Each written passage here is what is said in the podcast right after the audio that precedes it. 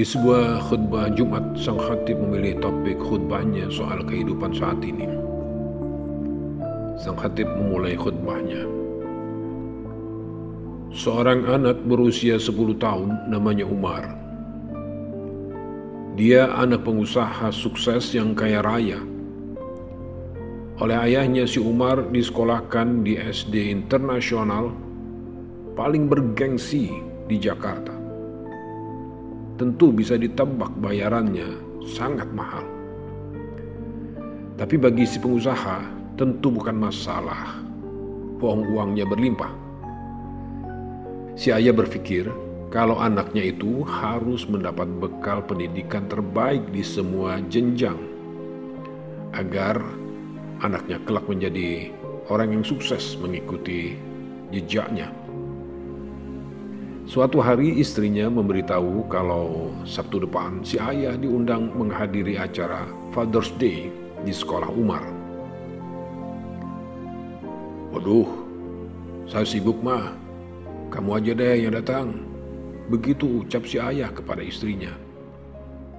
Bagi dia acara beginian sangat gak penting dibanding urusan bisnis besarnya. Tapi kali ini istrinya marah dan mengancam. Sebab sudah sekian kalinya si ayah tidak pernah mau datang ke acara anaknya itu.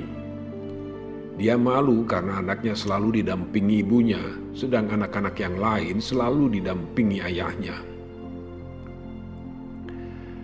Nah, karena diancam istrinya, akhirnya si ayah mau juga hadir meski agak ogah-ogahan. Father's Day adalah acara yang dikemas khusus di mana anak-anak saling unjuk kemampuan di depan ayahnya masing-masing. Karena ayah si Umar ogah-ogahan, maka dia memilih duduk di paling belakang. Sementara para ayah yang lain, terutama yang masih muda-muda, berebut duduk di depan agar bisa menyemangati anak-anaknya yang tampil di panggung. Satu persatu anak-anak menampilkan bakat dan kebolehan masing-masing. Ada yang menyanyi, ada yang menari, membaca puisi, pantomim, ada pula yang memamerkan lukisannya, dan lain-lain. Semua mendapat aplaus yang gegap gembita dari ayah mereka. Tibalah giliran si Umar dipanggil gurunya untuk menampilkan kebolehannya. Mister, Bolehkah saya panggil Pak Arif? Tanya si Umar kepada gurunya. Pak Arif adalah guru mengaji untuk kegiatan ekstra kurikuler di sekolah itu. Oh boleh, begitu jawab gurunya. Dan Pak Arif pun dipanggil ke atas panggung. Pak Arif, bolehkah Bapak membuka kitab suci Al-Quran surat 78 An-Naba. Begitu Umar meminta kepada guru ngajinya. Tentu saja boleh nak, jawab Pak Arif. Tolong Bapak perhatikan apakah bacaan saya ada yang salah Pak. Lalu si Umar mulai melantunkan surat An-Naba tanpa melihat Al-Quran dengan lantunan irama yang persis seperti bacaan Syekh Asyudais imam besar Masjidil Haram. Semua hadirin diam terpaku mendengarkan bacaan Umar yang mendayu-dayu, termasuk ayah si Umar yang duduk di belakang. Stop. Kamu telah selesai membaca ayat 1 sampai dengan 5 dengan sempurna. Sekarang coba kamu baca ayat 9 Begitu kata Pak Arif yang tiba-tiba memotong bacaan Umar. Lalu Umar pun membaca ayat 9. Stop. Coba sekarang baca ayat 21. Lalu ayat 33. Setelah usai Umar membacanya, lalu kata Pak Arif, Sekarang kamu baca ayat 40, ayat terakhir. Si Umar pun membaca ayat ke-40 tersebut sampai selesai. Subhanallah, kamu hafal surat An-Naba dengan sempurna, nak. Begitu kata Pak Arif sambil mengucurkan air matanya. Para hadirin yang muslim pun tak kuasa menahan air matanya. Lalu Pak Arif bertanya kepada Umar, Kenapa kamu memilih menghafal Al-Quran dan membacakannya di acara ini, nak? Sementara teman-temanmu unjuk kebolehan yang lain. Kenapa? Begitu tanya Pak Arif penasaran.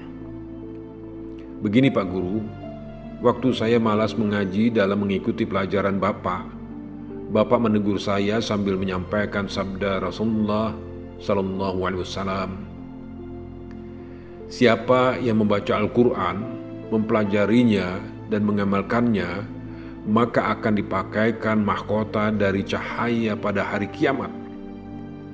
Cahayanya seperti cahaya matahari dan kedua orang tuanya dipakaikan dua jubah kemuliaan yang tidak pernah didapatkan di dunia. Keduanya bertanya, "Mengapa kami dipakaikan jubah ini?" Dijawab, "Karena kalian berdua memerintahkan anak kalian untuk mempelajari Al-Quran." Pak Guru, saya ingin mempersembahkan jubah kemuliaan kepada ibu dan ayah saya di hadapan Allah di akhirat kelak. Sebagai seorang anak yang berbakti kepada kedua orang tuanya, semua orang terkesiap dan tidak bisa membendung air matanya mendengarkan ucapan anak berumur 10 tahun tersebut. Di tengah suasana hening tersebut, tiba-tiba terdengar teriakan Allahu Akbar dari seorang yang lari dari belakang menuju ke panggung. Ternyata dia ayah si Umar yang dengan tergopoh-gopoh langsung menubruk sang anak bersimpuh sambil memeluk kaki anaknya. Ampun anakku, maafkan ayah yang selama ini tidak pernah memperhatikanmu tidak pernah mendidikmu dengan ilmu agama, apalagi mengajarimu mengaji.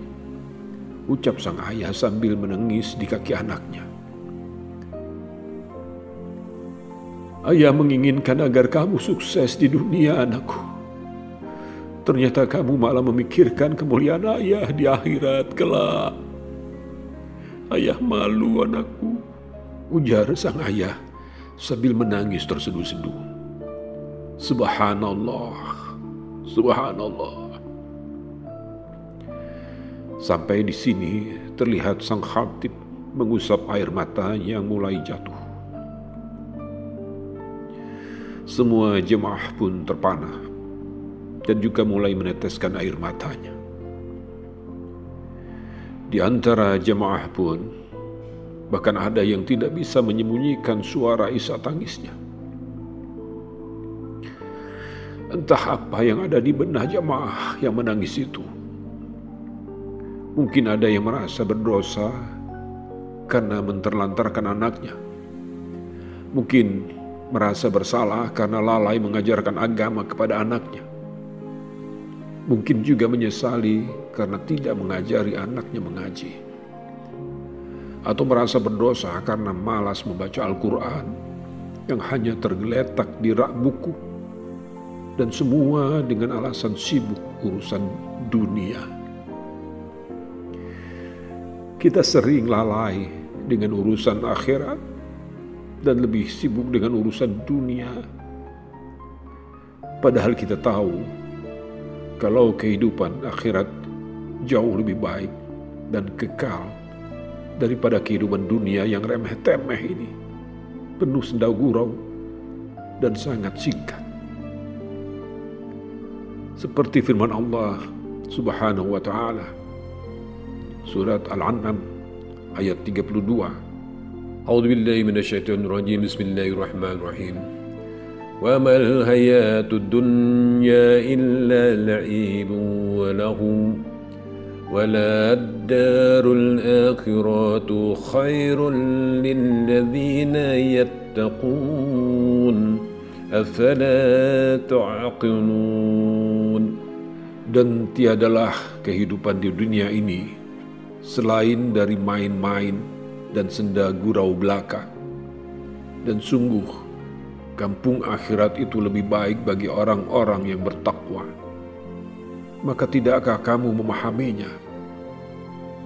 Semoga ini bermanfaat khususnya buat saya pribadi. Saya Edi S. Abdullah. Assalamualaikum warahmatullahi wabarakatuh.